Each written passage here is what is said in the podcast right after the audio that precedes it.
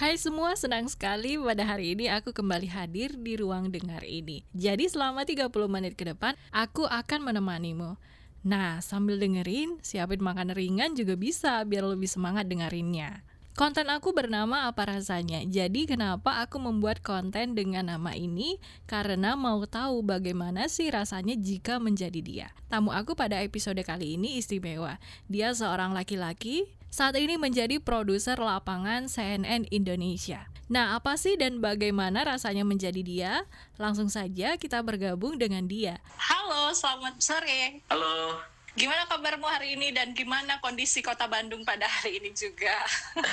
Alhamdulillah kabarku baik dan kota Bandung hari ini panas ya. Kalau siang hari panas, kalau malam itu dingin banget. Aduh, enak dong kalau kayak gitu buat tidur ya kan dalam kondisi yang dingin kan tidak panas, nggak perlu pakai AC, nggak perlu pakai kipas angin seperti itu kan. Ya, tapi kalau dingin banget, awas masuk angin gitu kan. Hmm. Mas, gimana? Eh, sudah berapa Iya. tahun berprofesi di dunia jurnalistik? Jadi kalau saya sendiri sebagai wartawan itu dari eh, semester 5 semester 5 waktu kuliah itu awalnya magang ya. Iya. Magang terus eh, di tempat magang saya itu Mm-mm.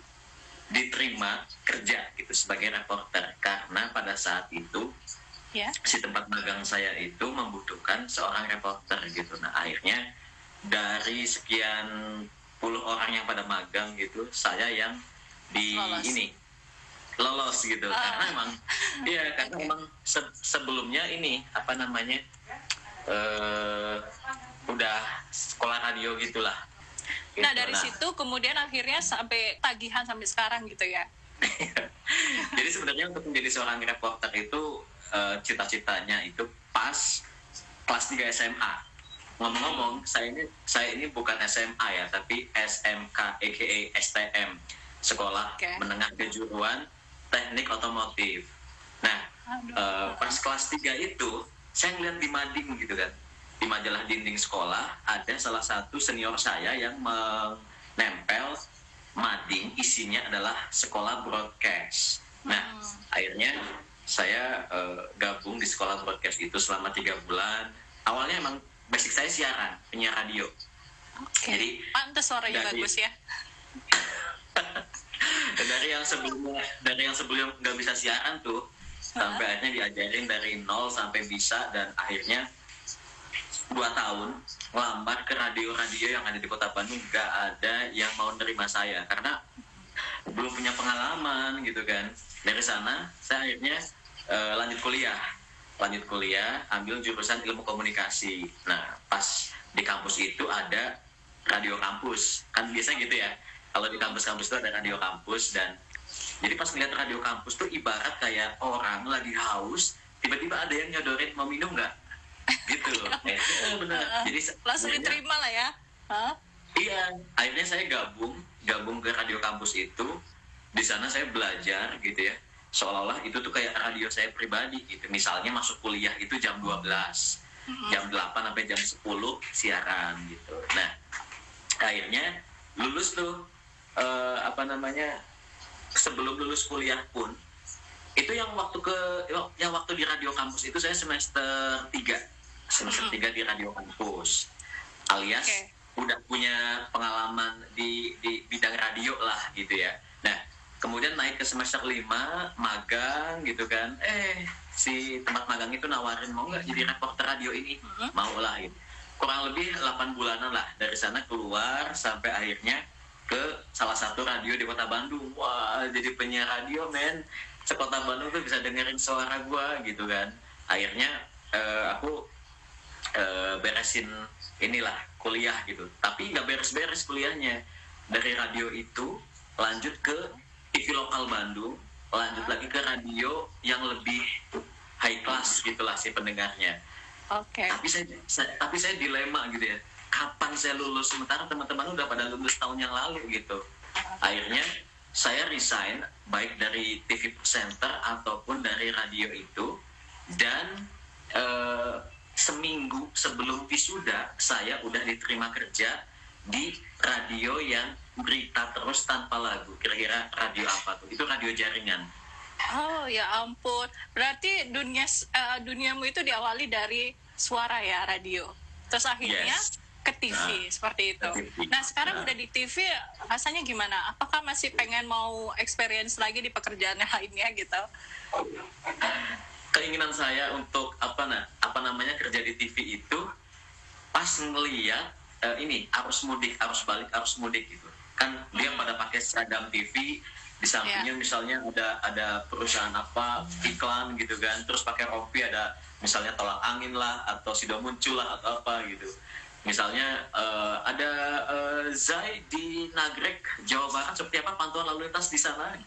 Kayak saya nonton gitu kan keren banget gitu kan bisa menyampaikan informasi yang dibutuhkan oleh masyarakat gitu kan. Masyarakat misalnya mau, mau mudik atau mau apa balik mana sih kondisi di Cilenyi atau apa gitu. Akhirnya dari sanalah dari sana saya mencoba daftar ke eh, TV dulu pertama saya mendaftar ke salah satu TV yang sekarang masih bagian dari grup ini. Cuman sampai interview eh nggak ada nggak ada panggilan lagi Mbak Wahyuni. Terus akhirnya eh, masukin CV ke TV-TV nasional gitu ya. Nggak ada panggilan juga. Akhirnya pas masih di radio yang berita itu eh, aku ikutan eh, ini open recruitment TV CNN Indonesia di Bandung. Karena kan dia baru mau buka nih 2014 pertengahan. 2014 akhirnya saya gabung langsung diterima di situ. Eh, akhirnya saya akhirnya resign dari radio tersebut dan pindah ke Jakarta selama dua tahun sih di Jakarta sampai Oh, sekarang deh di CNN gitu Oke. Uh, Nah, selama menjadi uh, apa namanya istilahnya reporter ya, reporter lah ya, Iya. benar Iya. ya. Itu gimana sih ada ngerasa kayak punya kendala nggak sih, atau mungkin ketika lagi liputan biasa punya pengalaman buruk atau gimana seperti itu? Kendala saya mungkin di artikulasi ya R ya aku Hmm. nggak bisa ngomong R gitu tapi saya sebisa mungkin menciptakan si R ini supaya menjadi kelebihan saya gitu dan Hmm. buktinya ketika saya sekarang jadi reporter di CNN Indonesia Ah. menyampaikan live report gitu ya eh, masukan-masukan kan biasanya beres live report itu suka ada kayak eh, evaluasi misalnya saya tadi kamu terlalu panjang live-nya. Lain kali jangan panjang banget ya durasi atau apa. Nah eh, dari beberapa evaluasi yang disampaikan ke saya nih dari atasan itu tidak menyinggung huruf R tapi lebih kepada Zai nanti live-nya lebih diperdalam lagi datanya soal ini ya atau enggak nanti kamu bisa balikan ke anchor biar anchor bisa nanya ke kamu gitu. Jadi nggak nggak ngebahas R ini. Artinya meskipun saya menyadari bahwa saya nggak bisa ngomong R alias itu sebagian orang mengatakan ini adalah kekurangan bagi saya ini adalah kelebihan. Karena eh, dengan saya tidak bisa ngomong huruf R ini justru saya malah menjadi reporter gitu. Nah Ah, apa namanya hambatan-hambatan tadi yang bawah Yuni sampaikan gitu ya eh, yang tanyakan gitu tentu ada ya sebagai seorang reporter itu hambatannya mungkin eh, kita harus bisa menyesuaikan dengan lingkungan sekitar. Contoh lah misalnya kita mau liputan eh, pembunuhan atau orang meninggal kita juga harus bisa menyesuaikan keadaan sekitar. Ketika liputan eh, pejabat meninggal nih kita juga harus empati gitu ya.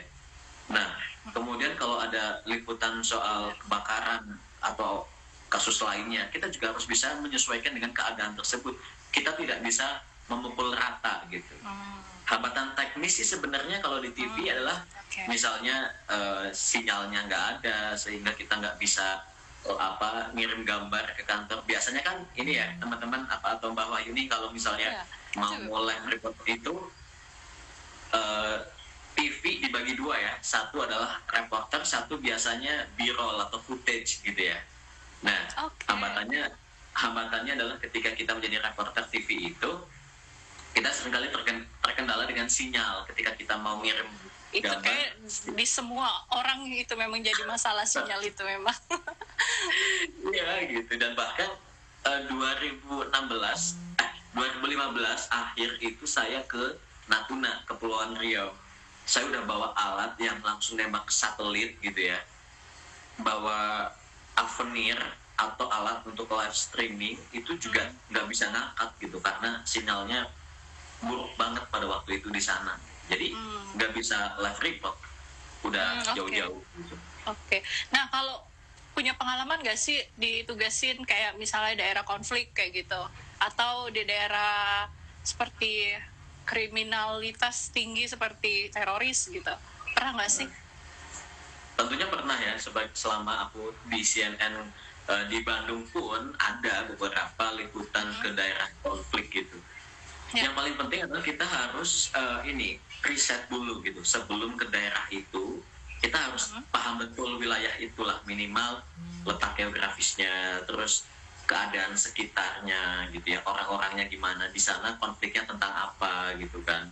Oke. bisa juga dari Iya. eh, media-media online yang sudah memberitakan lebih dulu. Kita bisa baca itu sebagai referensi nah ketika kita sampai ke lokasi kan biasanya ada preman lah atau dilarang masuk lah tapi sebagai wartawan tentu tidak kaku tidak kehabisan akal gitu ya kita Ada harus banyak bisa jalan menuju Roma gitu lah ya. Iya, bener. Kita harus bisa basa-basi gitu kan, misalnya eh, supaya cara, supaya gimana caranya bisa dapat info minimal. Kalau nggak dapat wawancara orang di dalamnya ya kita bisa ngomong di depan kamera bahwa pemirsa saat ini saya sudah di kawasan ini, namun saya Iya. beberapa orang yang saya wawancara ingin saya wawancara Ya aja. atau Ya. enggak diwawancara sehingga saya tidak bisa mendapatkan informasi yang akurat Mhm. itu juga sudah bisa jadi informasi gitu. Oke, Mas, eh, sekarang di CNN bagaimana pola kerjanya? Menggunakan shift atau seperti apa? Di CNN sendiri itu di uh, shift-shiftan ya betul gitu. Jadi ada shift pagi shift siang sama shift malam. Cuman kalau di Bandung ini khususnya karena kan saya biro Jawa Barat yang kantornya di Iya. Bandung. Kalau di Bandung ini hanya ada dua shift mbak. Jadi shift uh, pagi dan shift siang atau sore. Malam ini cenderung lebih jarang banget gitu. Itu kalau untuk yang Hmm. Ya itu untuk yang tim liputan gitu Hmm, hmm, tapi kalau misalnya kayak untuk eh, produser siaran lokal, presenter itu juga shift-shiftan beda lagi gitu. Tapi kalau eh, khususnya reporter itu shift pagi dan shift siang dan kerjanya itu lima hari, lima hari kerja, dua hari libur. Gitu. Jadi eh, salah kalau ada orang yang ngomong, emang wartawan ada ada liburnya ya? Ada lah ya, Iya. pasti. Nggak mungkin lah kita nggak libur ya kan? iya. Benar-benar benar sekali. Iya. Terus kalau ini Mas ada pengalaman misalnya kayak dapat teror gitu. Kadang kan eh, kayak jurnalis gitu kan pun penuh resiko dan juga tantangan. Nah, walaupun memang kita sudah punya mitigasi untuk menghindari itu, tapi kan kadang hal-hal seperti itu di luar dugaan nggak bisa kita hindari juga. Pernah nggak sih sampai buat eh, kamu itu kayak ngerasa, aduh aku kayaknya nggak nggak mau lagi deh gitu, udah deh jerah gitu kayak gitu.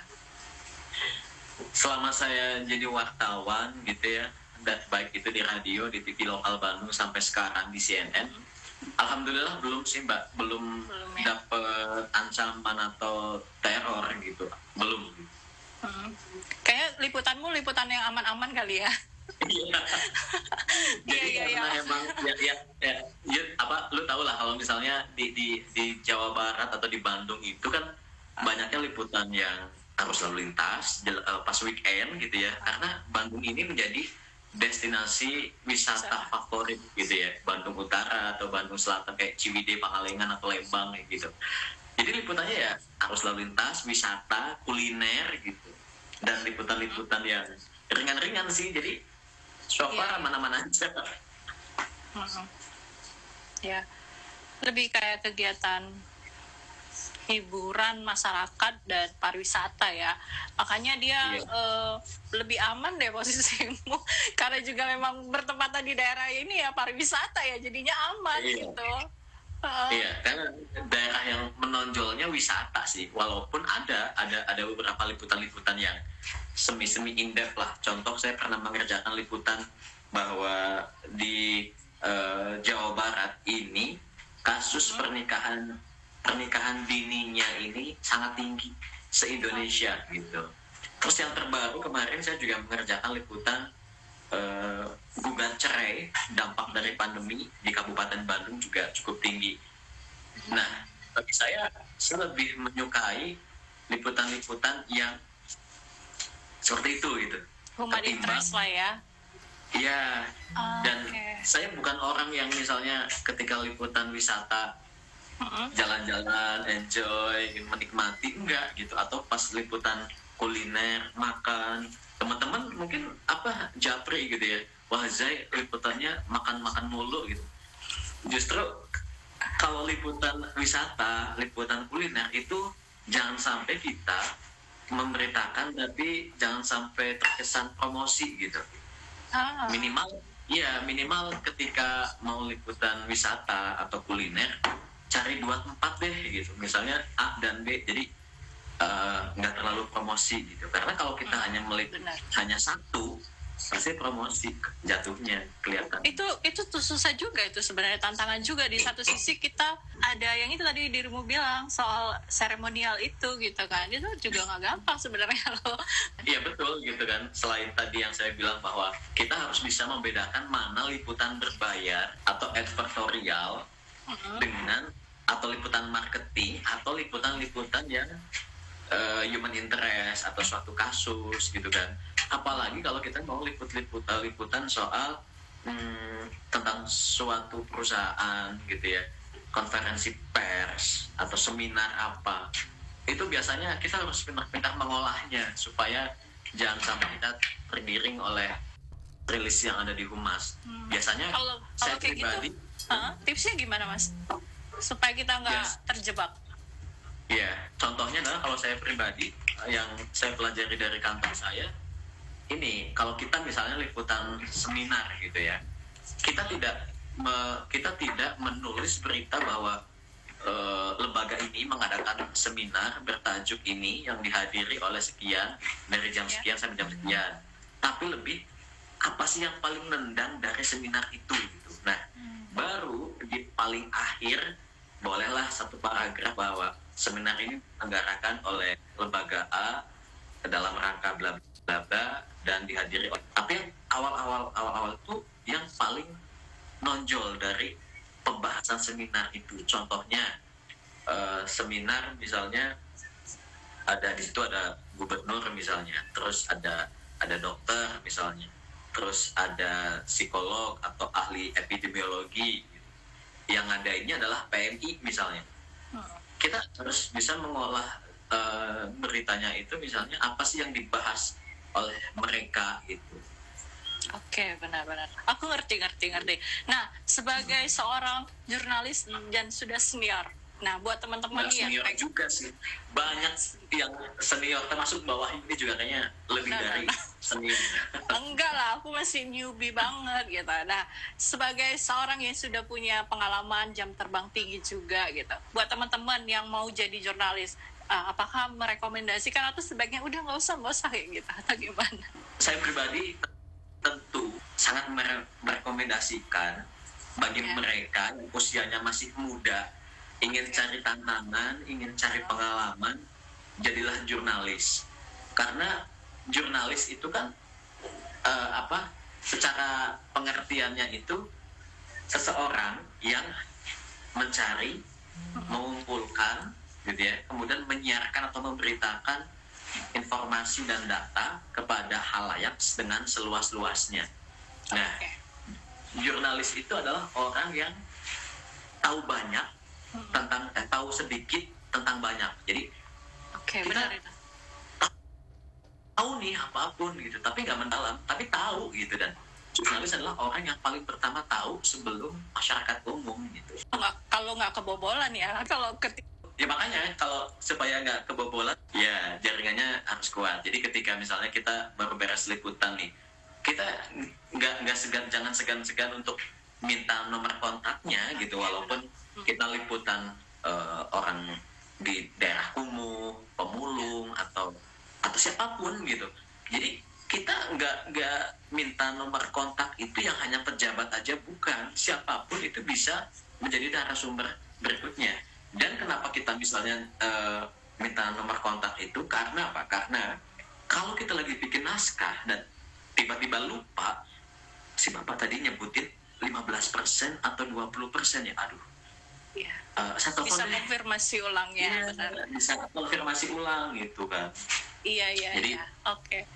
Mm-mm. enaknya jurnalis itu kita menjadi saksi sejarah sih menurut eh, saya ya bahwa Yuni misalnya saya ditugaskan untuk eh, liputan pelantikan gubernur pelantikan presiden gitu kan kita Ada rasa bangga tersendiri lah ya. iya bener ada rasa Kayaknya, bangga gitu Kayak Mas J ini udah udah bangga banget dengan profesi yang sekarang. ya. Iya, bangga banget sih enggak, bangga aja dan passion aja gitu. Intinya adalah intinya adalah ya mensyukuri aja sih, mensyukuri apa yang sedang dijalankan dengan mengerjakan sebaik-baiknya. Hmm, benar benar benar. Oke, tapi seru juga sih. Kayaknya lebih seru jadi jurnalis TV atau nggak pernah sih masalahnya dirimu punya pengalaman di jurnalis online atau koran gitu ya? Basic kuliah saya sebenarnya jurnalisnya itu jurnalis ke eh, online atau koran diajarinnya gitu.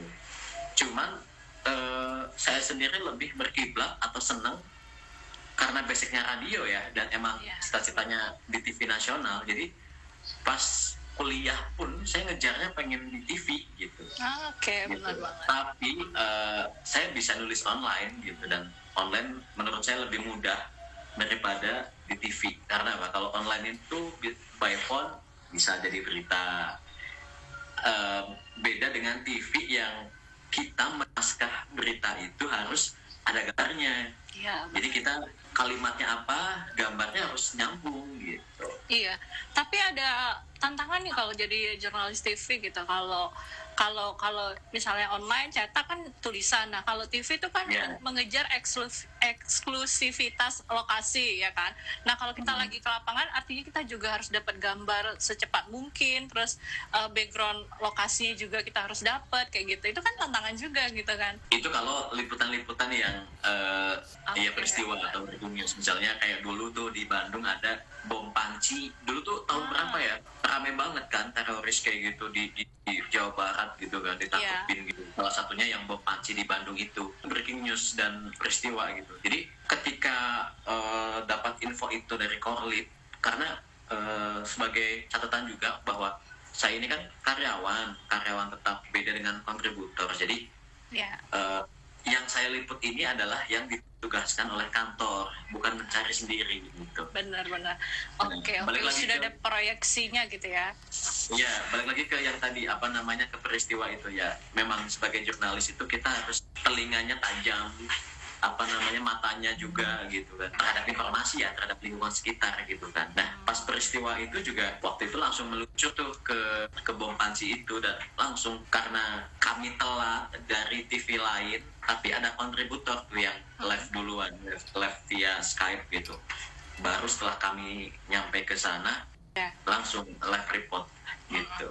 Oke, eh, Mas udah ada ada yang nanya nih rupanya netizen kita. Gimana Ada ya? pendapat Bang Zai, Zayul Haq tentang citizen journalist dengan maraknya smartphone yang banyak halayak pakai? Ah, gimana nih? Saya menanggapinya citizen journalism itu bagus dan eh, saya pribadi sebagai reporter TV nasional juga sering dapat informasi dari eh, citizen journalism via med medsos gitu ya dan tidak jarang juga mereka lebih dulu tahu daripada wartawan aslinya gitu. Tapi tentu eh, wartawan asli atau wartawan media besar Iya. itu dia melakukan liputan sudah profesional gitu. Jadi eh, sangat jarang untuk mudah digiring gitu. ya, jadi apa namanya eh, wartawan di media besar atau wartawan profesional itu pasti dia tidak akan mudah digiring untuk membuat beritanya seperti yang diinginkan oleh narasumber kita karena outside kan. Nah, kalau citizen journalism kan dia bisa memberitakan, tapi di situ tidak ada kayak istilahnya rapat planning, ya kan besok Iya. mau ngerjain liputan apa, terus nulis naskah gitu mungkin udah bisa langsung diupload atau tayang. Kalau di kami ketika saya menulis naskah itu harus dicek dulu di Oke. apa redaktur gitu kan. Apakah naskahnya ini cover both side atau enggak? Dan typo atau dan datanya benar nggak sih? Dicek lagi. Kalau ada yang masih tidak selaras atau tidak sesuai ya dibalikin lagi ke kita dan minta untuk dilengkapin gitu. Banyak banyak jurnalis dan bahkan bawah Yuni ketika apa liputan pun mungkin ya ketika kita liputan biasanya bar, uh, rame banget tuh. Bejubel gitu kan banyak yang pakai HP gitu. Sampai Ya. saya pribadi yang dari TV susah untuk ambil gambarnya gitu Tapi memang intinya kerja jurnalistik itu nggak segampang yang terlihat. Ada banyak proses dan Betul. juga kita harus mematuhi kode etik jurnalistik kayak gitu ya. Oke, Iya, Mas betul. Jai, bisa uh, di penutup mungkin punya kalimat ampuh atau kalimat uh, yang bisa memberikan energi buat para pendengar kayak apa? Ya tentunya eh, basic saya yang reporter gitu ya bahwa siapa pun bisa menjadi jurnalis dan menjadi seorang jurnalis yang hebat itu bukan langsung bisa tapi step by step berproses belajar gitu kan yang paling penting adalah eh, minta evaluasi apa yang kurang apa yang harus diperbaiki siapa pun bisa menjadi jurnalis baik itu dari jurusan antropologi sosiologi psikologi Ya. Nggak hanya komunikasi gitu ya. Karena apa? Hukum misalnya dan kedokteran pertanian. Karena ketika dia menjadi seorang jurnalis maka dia akan ahli ketika meliput di bidang itu. Contoh misalnya dia liput soal eh, pertanian atau tentang hukum dia akan lebih tahu gitu ya. Dan yang paling penting adalah kalau ingin menjadi seorang jurnalis atau reporter latihan deh nulis berita gitu ya Eh, mau berita koran mau berita online atau berita televisi khusus kalau reporter televisi ya ngomong di depan kamera latihan misalnya pura-pura live report terus kirim ke eh, teman atau senior yang lebih dulu gitu kan. Dan apa namanya kalau sudah lulus lulus kuliah ngelamar aja ke televisi tapi tanya dulu mungkin ada seniornya yang sudah dulu kerja di sana. Gimana sih kak caranya kalau kita mau eh, kerja di Kompas TV gimana sih kak caranya kalau kita mau kerja di CNN gitu. Tapi apa untuk menjadi seorang eh, jurnalis yang hebat itu butuh proses. Dan saya kira teman-teman yang sekarang nonton di IG saya dan bawah Yuni saya kira nanti akan ketemu di lapangan Oke, pasti ya. Mudah-mudahan pasti lah kalau kalau kalau ada jalannya masih ketemu nanti. iya iya iya. Terima kasih banyak Mas Jai. Aduh waktunya kita eh, nggak nggak banyak banyak karena nanti kalau kebanyakan nanti muntah yang lain dengerinnya kan takutnya. Terima kasih ya untuk waktunya sudah mau berbagi ke teman-teman yang lain dan sudah mau aku Iya. repotkan di sekarang ini padahal lagi pindahan ya. Terima kasih sama-sama banyak. Mbak Yuni saya senang juga bisa berbagi ilmu saya yang sangat sedikit ini ke teman-teman semua mudah-mudahan eh, kita menjadi orang yang terus belajar dan mau bisa menyaring informasi yang benar dan tidak mudah termakan oleh berita-berita hoax gitu terima kasih Benar banget. Terima kasih. Sampai jumpa. Demikian konten aku di edisi kali ini. Aku bakal kembali di konten selanjutnya dengan tamu yang keren dan penuh inspiratif. Jangan sampai ketinggalan khususnya untuk dengerin suara emas aku. Sampai jumpa semuanya, tetap sehat dan tetap semangat. Bye.